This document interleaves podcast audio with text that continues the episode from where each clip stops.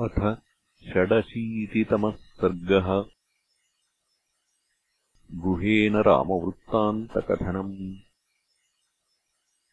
आचचक्षेथसद्भावम् लक्ष्मणस्य महात्मनः भरतायाप्रमेयाय गुहो गहनगोचरः।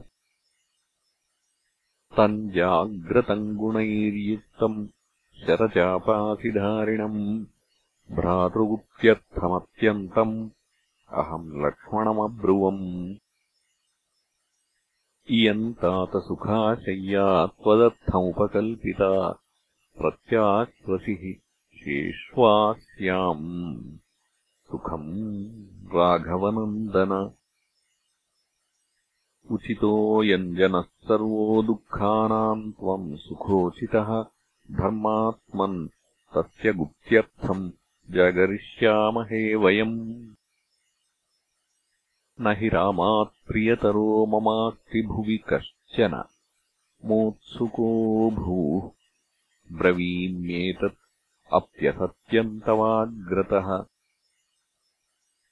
अस्य प्रसादादाशंसे लोकेऽस्मिन् सुमहद्यशः। धर्मावाप्तिम् च विपुलाम्। अर्थावाप्तिम् च केवलाम् सोऽहम् प्रियसखम् रामम् शयानम् सह सीतया रक्षिष्यामि धनुष्पाणिः सर्वैः स्वैः ज्ञातिभिः सह। न हि मे विदितम् किञ्चित् वनेऽस्मिंश्चरतः सदा। चतुरङ्गम् यपि बलम् प्रसहेम वयम् युधि एवमस्माभिरुक्तेन लक्ष्मणेन महात्मना अनुनीता वयम् सर्वे धर्ममेव अनुपश्यता। कथम् दाशरथौ भूमौ शयाने सह सीतया शक्या निद्रा मया लब्धुम् जीवितम् वा सुखानि वा। यो न देवासुरैः सर्वैः शक्यः प्रसहितुम् युधि। तम् पश्य गुह संविष्टम् तृणेषु सह सीतया महता तपसा लब्धो विविधैश्च परिश्रमैः। एको दशरथत्यैष पुत्रसदृशलक्षणः। अस्मिन् प्रव्राजिते राजा न चिरम् वर्तयिष्यति विधवा मेदिनी नूनम् क्षिप्रमेव भविष्यति। विनद्य सुमहानादम् श्रमेणोपरताः स्त्रियः निर्घोषोपरतम् नूनम् अद्य राजनिवेशनम्। कौसल्या चैव राजा च तथैव जननी मम। नाशंसे यदि जीवेयुः सर्वे ते सर्वरीमिमाम्।